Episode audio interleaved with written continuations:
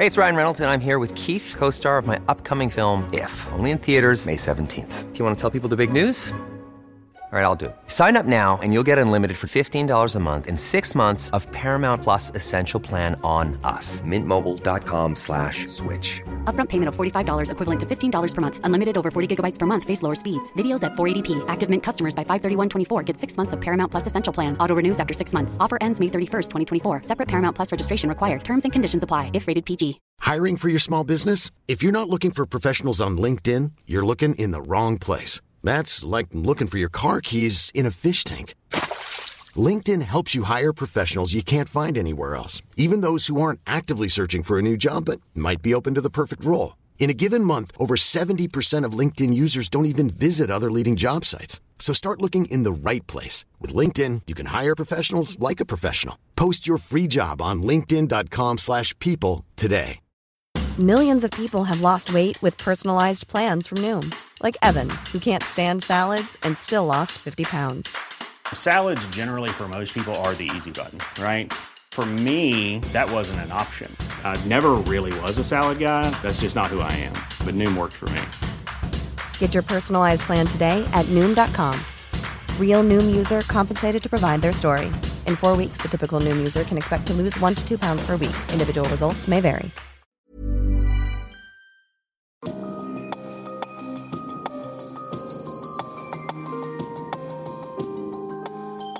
Du lytter til podkast fra Oslo Militære Samfunn.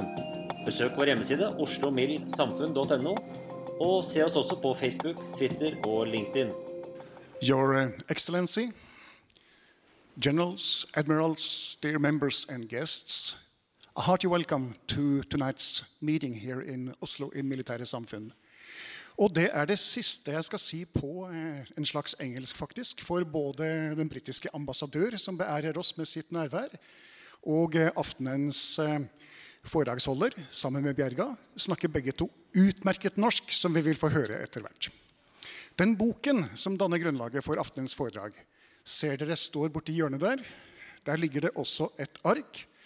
Den som har lyst til å kjøpe boken, skriver seg på det arket med de opplysningene som der avkreves, og så stoler vi på hverandre, og så kommer det sikkert en giro i posten før eller siden. Den står borti hjørnet der. For i aften har vi besøk av dr. Tony Insel fra Kings College London og professor Kjell Inge Bjerga fra Institutt for forsvarsstudier. Temaet er spesialoperasjoner og etterretning i Norge 1940-45. Og hele tiden så kommer det jo nye arkiver for dagen. Gamle dokumenter blir avgradert og nedklassifisert, slik at det er stadig mulig å lære mer om de temaene som forskerne er opptatt av. Og det har Tony Insell benyttet seg av og skrevet en svært interessant og lesverdig bok om dette temaet. Sett fra et britisk ståsted og med et britisk perspektiv, og dermed svært lærerikt for oss nordmenn.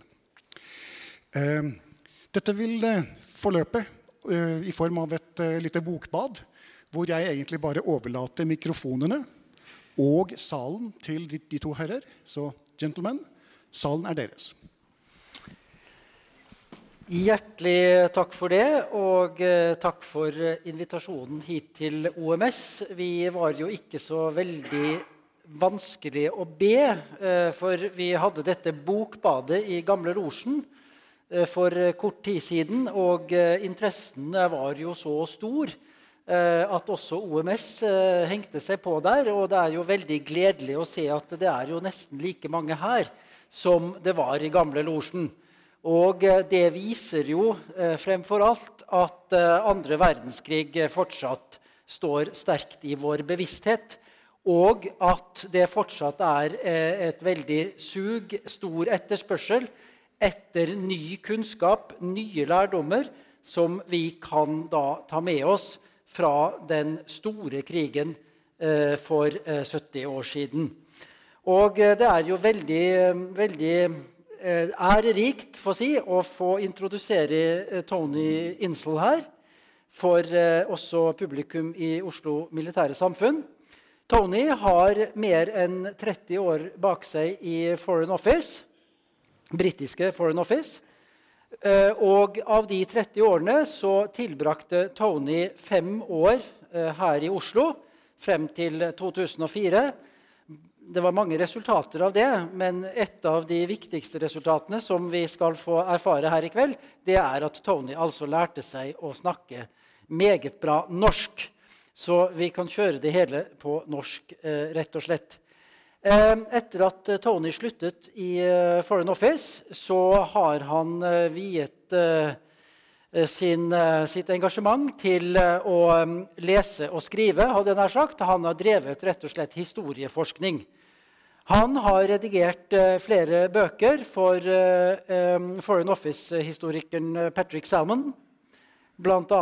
om Brussel og Washington-traktaten forut for, for, opprettelsen av Nato i, i 1949.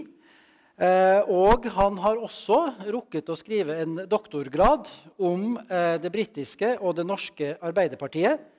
Eh, og samarbeidet mellom det britiske og det norske Arbeiderpartiet. Den kom ut som en bok i 2010. Så det er en tung historiekompetanse du bringer med deg, Tony. Men grunnen til at vi er her i kveld, det er jo da den siste boken som ble introdusert eh, fra talerstolen der i sted. Altså eh, historien om eh, etterretning og spesialoperasjoner under annen verdenskrig, og hvordan SAS og SOE samarbeidet med den norske motstandsbevegelsen under annen verdenskrig. Og den boken som eh, står bak meg der, som det er mulig å skaffe seg, den er veldig spennende på mange og nye måter. Først og fremst så er det det at Tony har gått inn i nye arkiver og funnet veldig mye ny informasjon om for så vidt eh, kjente hendelser, men også om eh, hittil ukjente hendelser når det gjelder samarbeidet mellom britisk eh, etterretning og SOE og den norske motstandsbevegelsen. Og alle disse her detaljene eh, klarer Tony da å sette inn i et større bilde.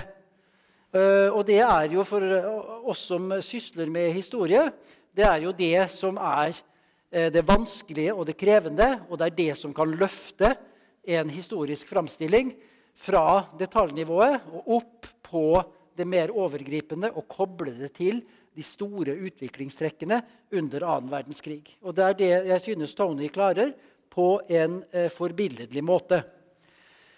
Eh, jeg tror vi rett og slett skal starte eh, dette lille bokbadet i 1949 Nei, unnskyld, i 1944 44, ja. i eh, Tromsø og eh, senkingen av Turpitz. Eh, før vi går i gang med å høre litt på Vi skal lytte til kildene her. Så kanskje du eh, vil si noen ord ja. eh, om det vi skal nå begi oss inn i. Vi skal tilbake til 1944. Ja. Uh, mange takk, og mange takk for invitasjonen hit uh, om kvelden. Jeg fant uh, lydspill i et annet arkiv i, i, London. Og det er et intervju som ble holdt i 1949 med Willie Tate som var sjef for den avdelingen med Lancaster-skvadroner som senket uh, Tirpitz. Og det gir oss en veldig atmosfærisk og livlig beskrivelse av situasjonen da disse bombefly utførte sin angrep. Det gir oss uh, også en veldig autoritativ vurdering om verdi av den norske etterretningsinnsats. De siste 70 årene har det vært uh, veldig sjelden uh, hørt. Uh, Tate uh, snakker ganske raskt, så vil vi vise teksten hans på skjermen mens du hører på den.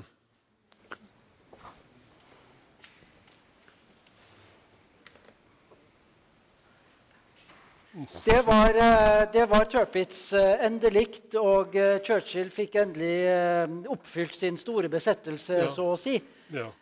og i vår sammenheng så er jo senkingen av Tirpitz fremfor alt et veldig godt eksempel på betydningen av samarbeidet mellom den norske motstandsbevegelsen og britisk etterretning. Hva, kan du si litt mer om hva samarbeidet egentlig betydde for denne spesifikke hendelsen eh, i Tromsø i 1944? Ja, uh, uh, var det største, mektigste og potensielt de mest dødelige uh, krigsvåpenet som tyskerne hadde. Og som du sa, uh, Churchill var besatt av det. Uh, han het det udyret, The Beast. Uh, ved sin uh, tilstedeværelse i Norge truet Tirpitz spesielt allierte konvoier til Russland. Og den britiske marinen trengte å holde store deler av flåten sin i beredskap i tilfelle Tirpitz kom ut. Dette var skip som var sårt uh, uh, tiltrengt andre steder i verden, uh, spesielt uh, Fjernøsten. faktisk kom Tirpitz bare ut én gang. da det var en del av en flåte som angrep Svalbard. Men trusselen om dens bevegelse var en gang tilstrekkelig nok for å påvirke Admiral Pound og til å beordre en Atlantic, Atlantics konvoi, PK-17, til å spre seg. Noe som førte til senkningen av 24 fra 37 skip. Så, så fra den ankom i, i Norge i januar 1942, uh, trengte den britiske marinen sårt etterretning om Tirpitz angående, angående, dens bevegelse, dens beredskap, uh, fremdrift i reparasjoner uh, osv. Uh, noe av dette kommer fra Altra men det var ikke alltid uh, tilgjengelig eller betimelig. Derfor SAS etterretning fra norske agenter var ofte uh, avgjørende og pålitelig. Admiralty-mappa inneholder detaljer om mer enn 145 rapporter som ble sendt til SAS av norske agenter. Det ville ha vært mye mer enn dette. Ikke minst de vanlige værmeldinger uh, som var påkrevd hver gang Royal Air Force foretok et angrep mot det. Disse regelmessige rapporter, noen ganger sendt hver time, skapte en betydelig risiko for agenter pga. faren fra tysk peiling. Både, både, Admiralty og Air Ministry satte stor pris på alle denne etterretning, som var av stor betydning. Det var i alt 24 forsøk på å angripe og synke Tirpitz utført av SOE, Marine og Royal Air Force. Alle i Norge var avhengig uh, om etterretning sendt av norske agenter til SAS. Mm.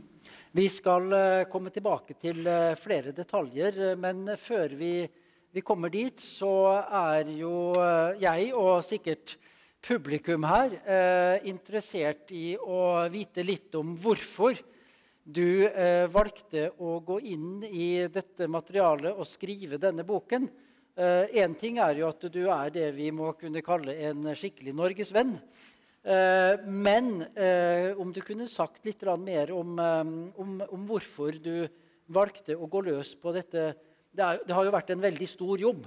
Et betydelig arkivarbeid som ligger i bunnen her osv. Eh, hvorfor du gikk løs på det, og, og litt også om, om, det materialet du har brukt, og, og de nye kildene som du har funnet. Det ja. tror jeg vi alle er interessert i å høre litt mer om. Et godt spørsmål. Som du nevnte, har jeg uh, forsket på norsk uh, historie i ganske mange år. Jeg traff uh, to gode norske venner, Arnfinn Måland og Ivar Kraglund, som sitter der bak, fra hjemmefront, Norges hjemmefrontmuseum på en konferanse i London for mange år siden. noen år siden, ikke så veldig mange, faktisk. da jeg var i ferd med å gjøre ferdig boken om Nato. De spurte meg hva jeg vil gjøre videre. Og da jeg ga en unnvikende svar, uh, foreslo de at jeg kunne vurdere å skrive en bok om motstand i Norge fra et britisk uh, synspunkt. Uh, fordi det hadde gått uh, mange år siden en hadde blitt skrevet i Storbritannia. Nesten 30 år, faktisk. Jeg så på noen av kilder og bestemte meg at det kunne være en veldig verdig prosjekt som tok meg faktisk nesten fire år.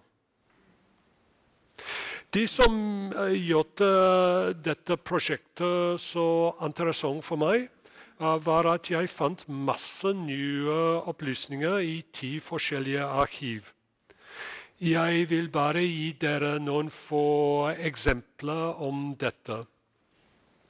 SOE, eller Special Operasjoners Arkiv, er en ekte skattekist uh, som dekker alle virksomhet og historier, inkluderende uh, selvfølgelig Gunnerside og personlige mapper som jeg fant absolutt fascinerende.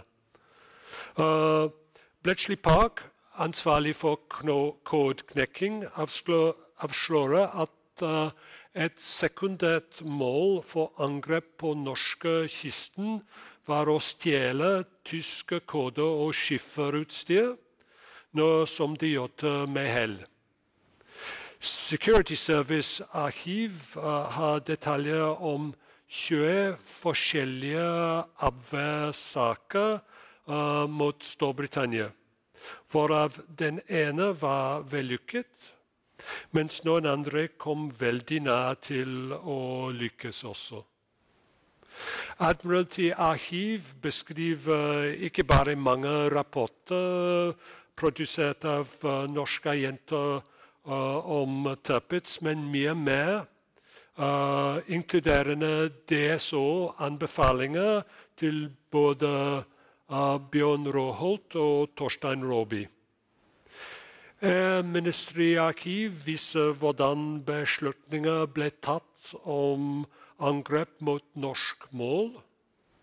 Foreign Office-arkiv uh, beskriver utviklingen av et veldig nært forhold mellom Trygve Lie og Anthony Eden og hvordan politiske koblinger ble utviklet og støttet motstandsbevegelsen. De avslører også hvordan den britiske ministeren i Stockholm, Victor Mallet, anbefalte at SOE-stasjonen i Stockholm skulle legges ned, og deres arbeid ble overtatt av britisk etterretning, SAS. Foreign Office avviste dette. Dokumenter i Riksarkivet og Norges hjemmefrontmuseum vil være godt kjent for mange av dere. Men det var ofte, ofte mulig å bruke den informasjonen sammen med de som jeg fant andre steder. Uh, for å skape et mer detaljert og noen ganger mer nøyaktig bilde, spesielt angående marin etterretning. Siste, men på ingen måte minst, var NKVD-arkiv i Moskva. Uh, som var åpent for utenlandske forskere en stund på begynnelsen av uh, 1990-tallet. Og jeg fant noen rapporter som ble sendt til NKVD av Kim Philby, den berømte sovjetiske spionen, uh, mens han jobbet i den kontraespionasjeavdeling i SIS. Dokumenter som han sendte, viste at SIS var i kontakt med en avvæagent i Norge som uh, på denne tiden hadde stilling i Vardø. Denne agenten jobbet uh, for britene under hele krigen. Og dette var bekreftet av uh, et dokument som jeg fant i Security Service-arkiv uh, i, i, London. Og det var ingenting som uh, tyder på at uh, SAS uh, uh, fortalte noen ting om dette til nordmenn under krigen. Og hans identitet er fortsatt, fortsatt ukjent. Mm.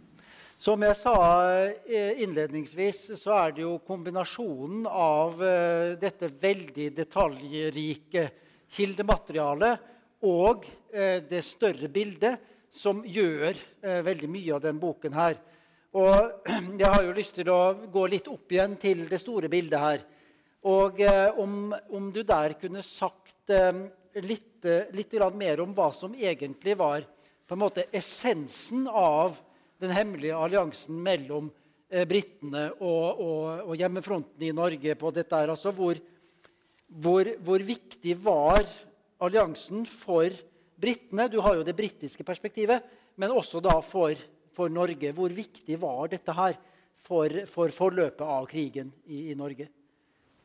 Det har blitt uh, skrevet mye om dette i Norge, men uh, veldig lite i Storbritannia. Så uh, ønsket jeg å tilby et britisk perspektiv. Da Churchill besøkte Oslo i mai 1948, holdt han, holdt han en tale på Slottet og minnet om det ble sagt at uh, Storbritannia står alene etter Frankrikes fall. Men nei, det stemte helt, uh, sa Churchill.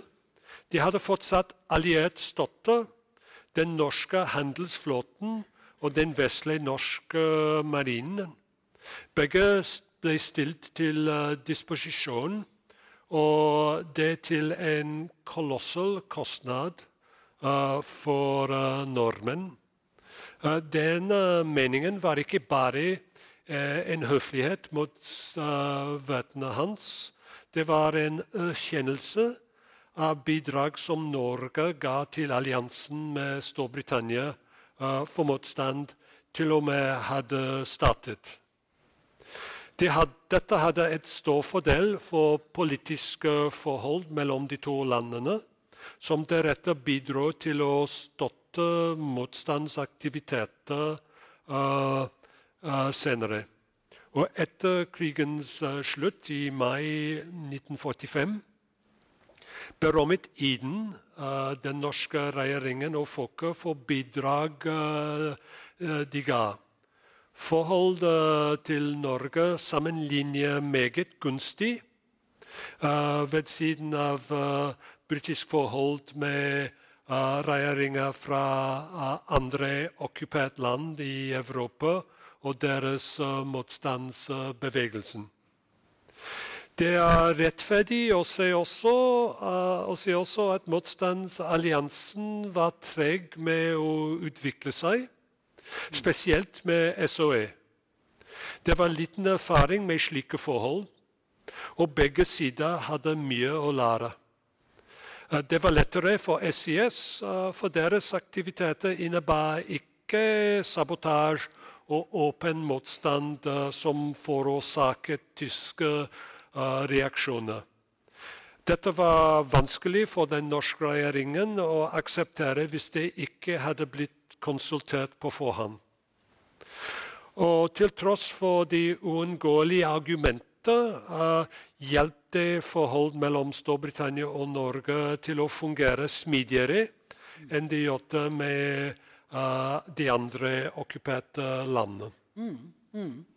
Så, så, det hadde stor betydning på, på, begge sider, og også pekte fremover, selvfølgelig, som jeg kommer litt tilbake til. Men hvis vi, hvis vi ser på, på andre verdenskrig da, i stort, Eh, og de alliertes eh, seier eh, i andre verdenskrig hadde, hadde, alliansen betydning for utfallet av krigen?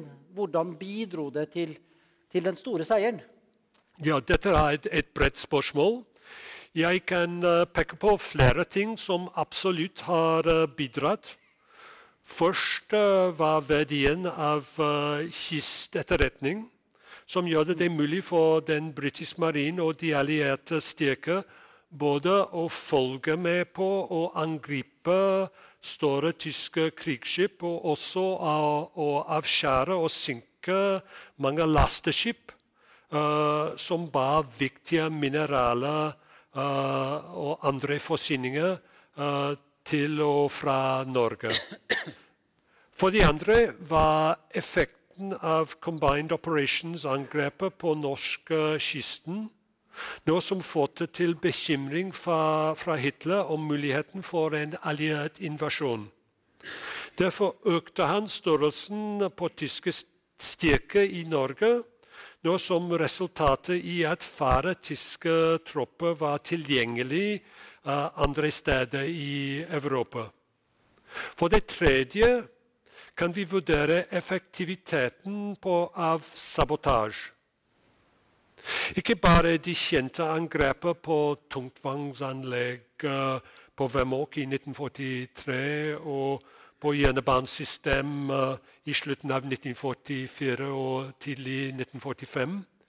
Men den fortsatt angrepene på tyske fabrikker, lagringsdepoter og andre steder som effektivt forringet den tyske kapasiteten til å føre krig og skadet moral.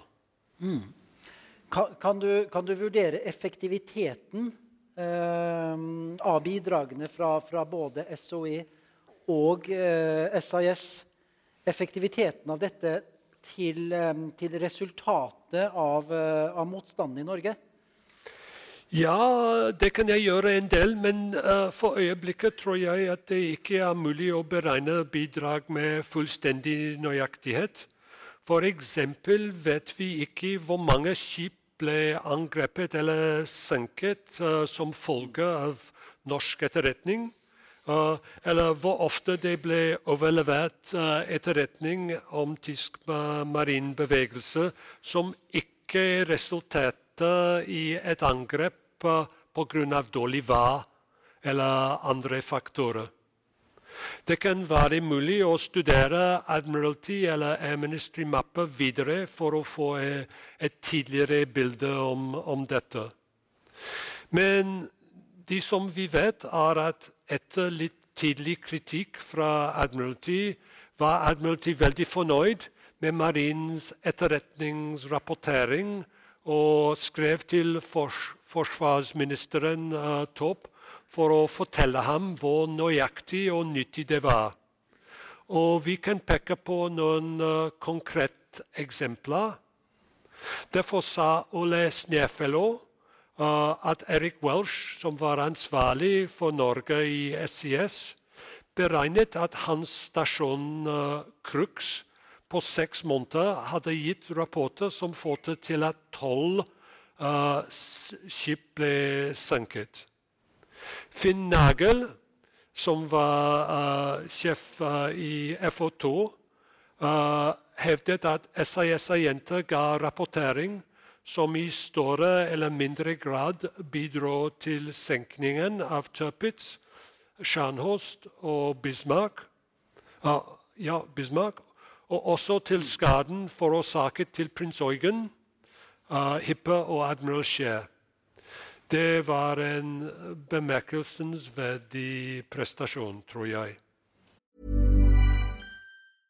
I'm Sandra, and I'm just the professional your small business was looking for. But you didn't hire me because you didn't use LinkedIn jobs. LinkedIn has professionals you can't find anywhere else, including those who aren't actively looking for a new job but might be open to the perfect role, like me.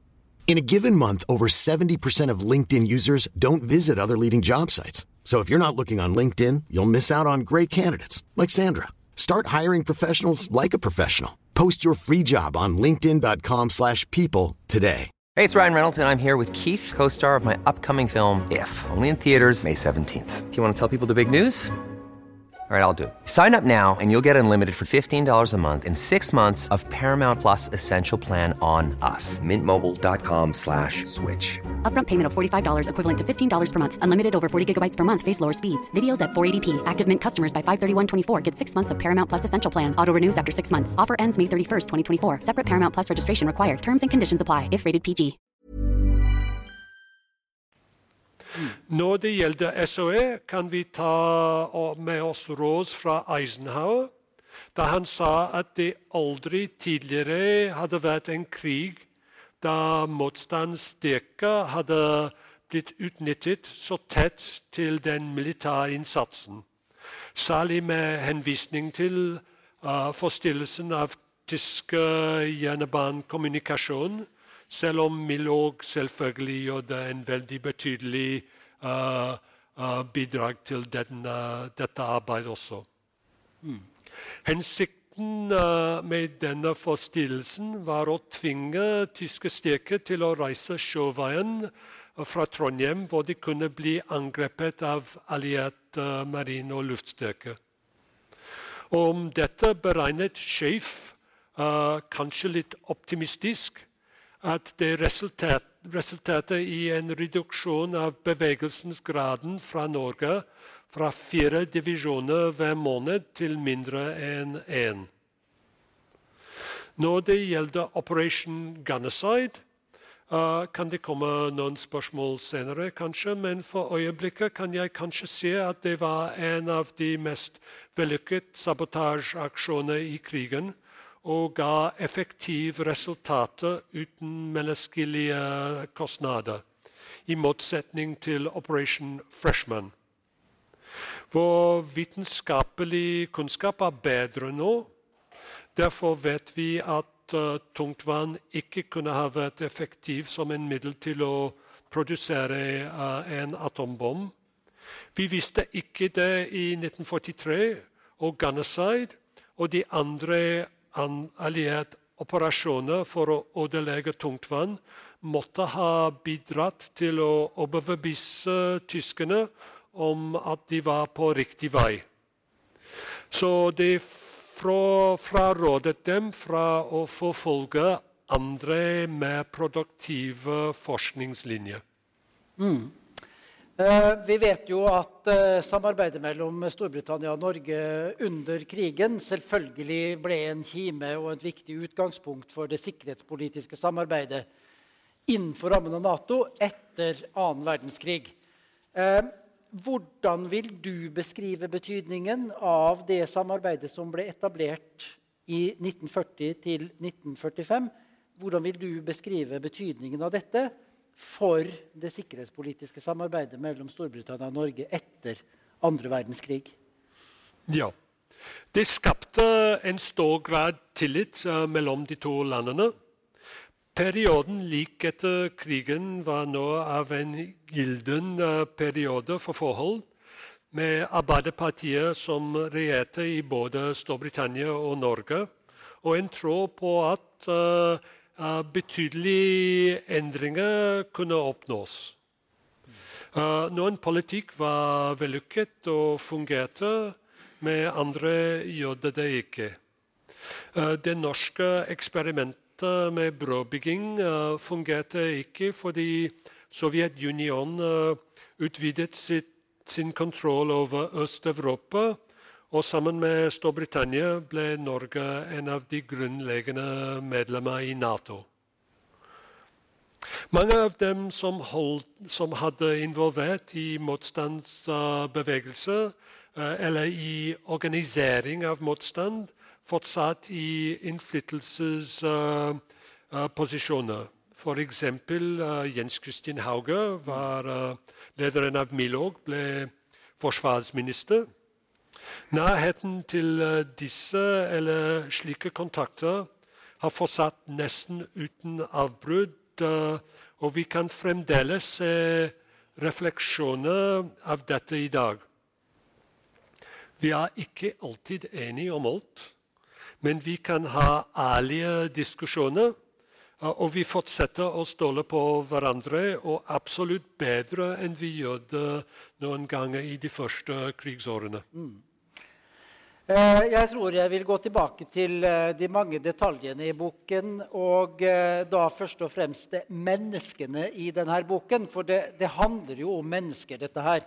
Det er ganske imponerende historier om mennesker som levde i total isolasjon, særlig langs norskekysten, i lange perioder for å kunne rapportere etterretninger da, til eh, britene og til motstandsbevegelsen i Norge. Eh, og det er, jo, det er, jo, helt fascinerende å lese om, om, hvordan disse menneskene klarte seg helt isolert i veldig lang tid. Eh, og jeg lurer da på, Er det, er det noen eh, nordmenn som du beundrer spesielt eh, fra disse operasjonene?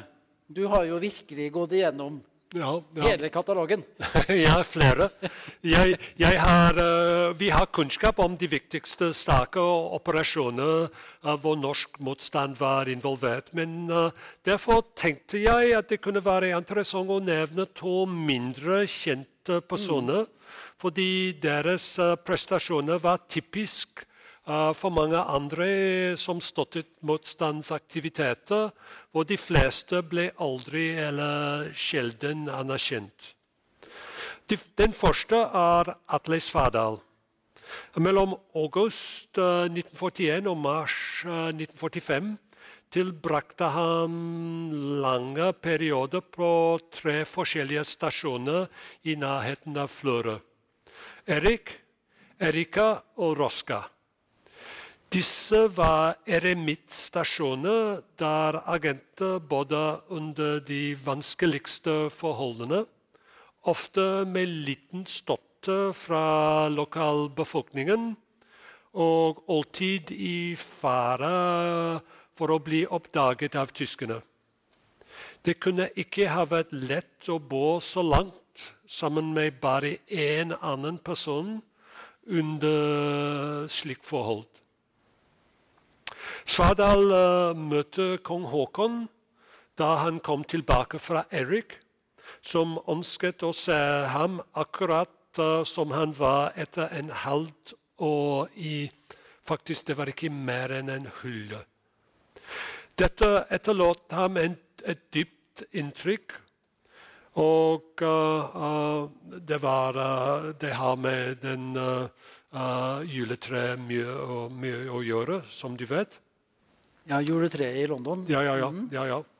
Men han, Svardal, ble ofte rost av Erik Welsh, som var sjef for den norske avdelingen i SAS for verdien og aktualiteten eh, til rapportene hans. Noe som ofte førte til angrep mot tysk marin og, og skip.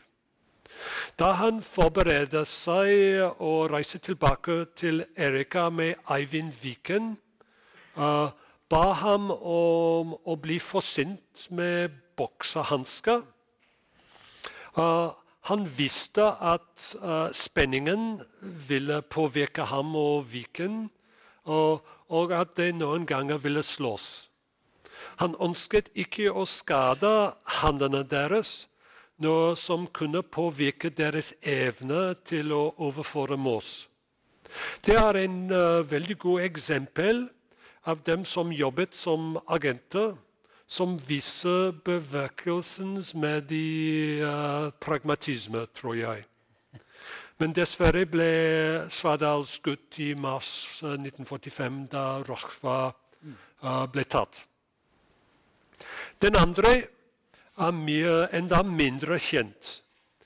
Einar Sandvik var en fisker som bodde på Leka, et øy som eh, ligger ikke langt fra Trondheim. Han henvendte seg til den britiske ambassaden i oktober 1945 og fortalte dem at han i 1940 hadde blitt bedt av seks britiske flygere om hjelp da de hadde stjålet på øya. Han ga dem sin skøyte. Han ble fengslet av tyskerne en stund og mistet inntektskilden, uh, uh, naturligvis. Han viste ambassaden en kvittering fra flygere og ba om 1000 kroner erstatning for skøyten sin. Ambassaden vurderte dette som en veldig beskjeden sum. Admiralty tok kontakt med en av piloter som bekreftet historien, og han fikk betalt.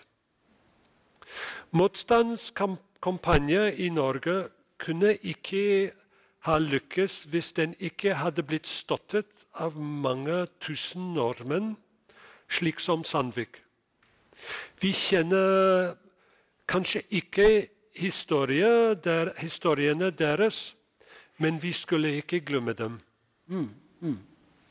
Eh, som du nevnte i, i sted, så, så, var det ikke nødvendigvis bare god stemning eh, mellom britene og, eh, og, nordmennene i disse, disse årene her.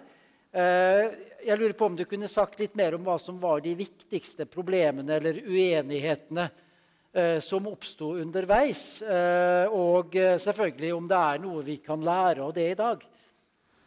Ja, det kan jeg gjøre. Uh, men det var ikke bare god stemning. Uh, absolutt ikke.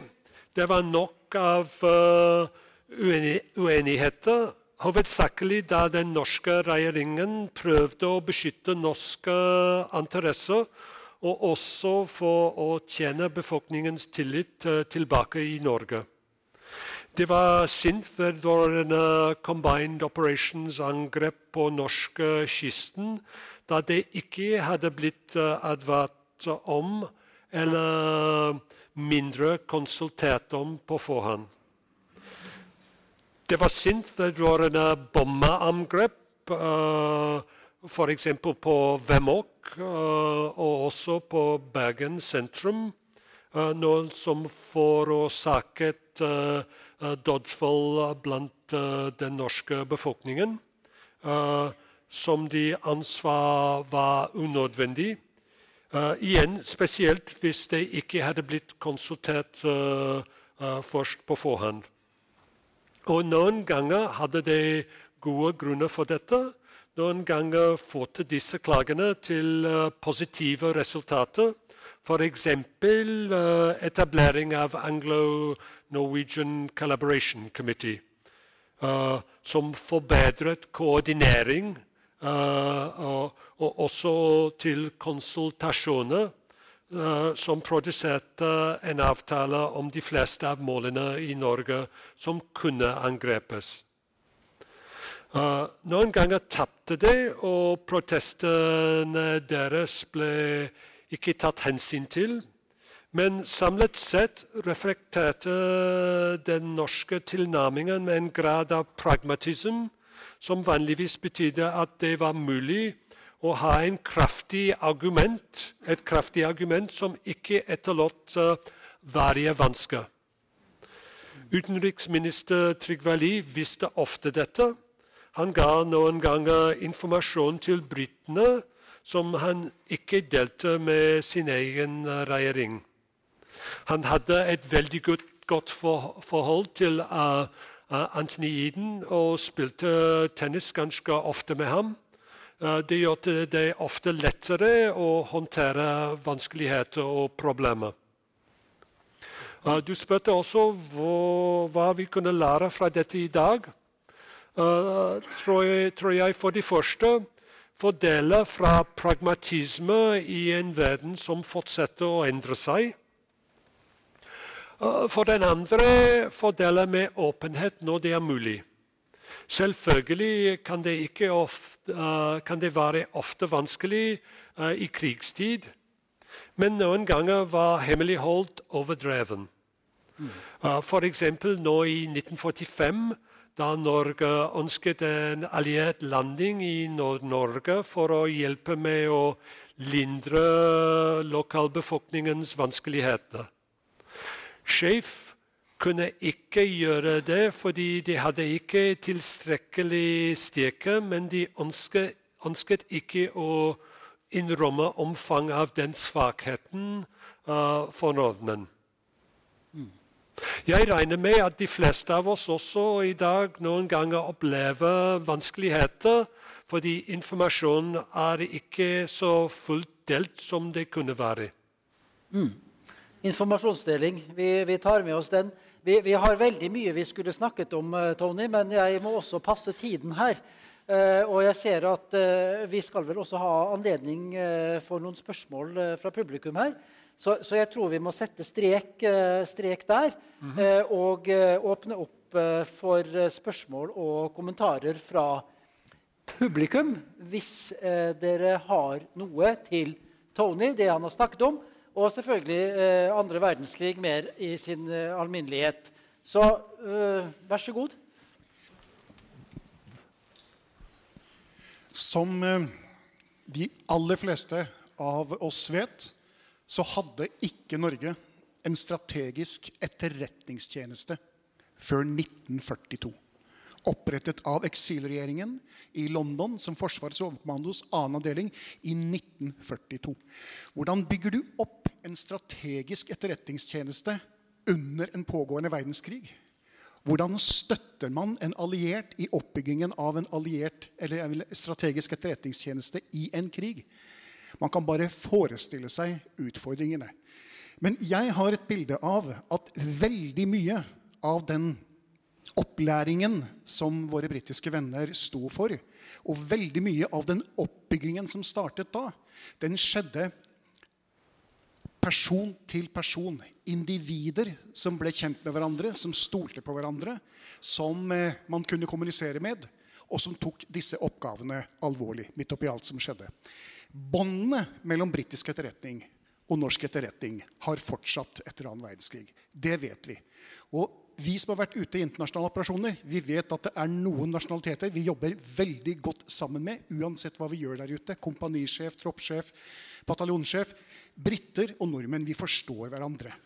Vi forstår hverandre, rett og slett. Vi kan kommunisere. Vi er ikke nødvendigvis like, men vi forstår hverandre. Og vi kan respektere den faglige dyktigheten individene kan utøve. Der ligger en veldig veldig verdifull arv. Nå har vi fått et britisk perspektiv på det som skjedde i Norge. Spesialoperasjoner og etterretning 1940-45. Det er noen få bøker igjen der borte. Skriv deg på lista hvis du vil ha en. Det jeg bare skal gjøre, er å tu si tusen, tusen takk til Tony Insel.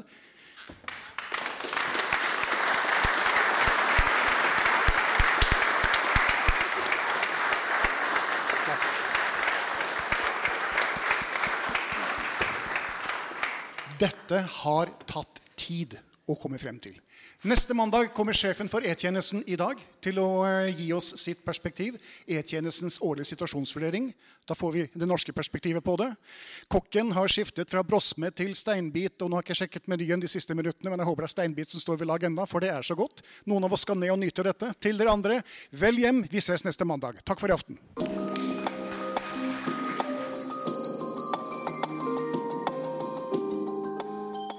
Du har hørt podkast fra Oslo Militære Samfunn. Besøk vår hjemmeside oslomildsamfunn.no, og besøk oss gjerne på sosiale medier som Facebook, Twitter og LinkedIn.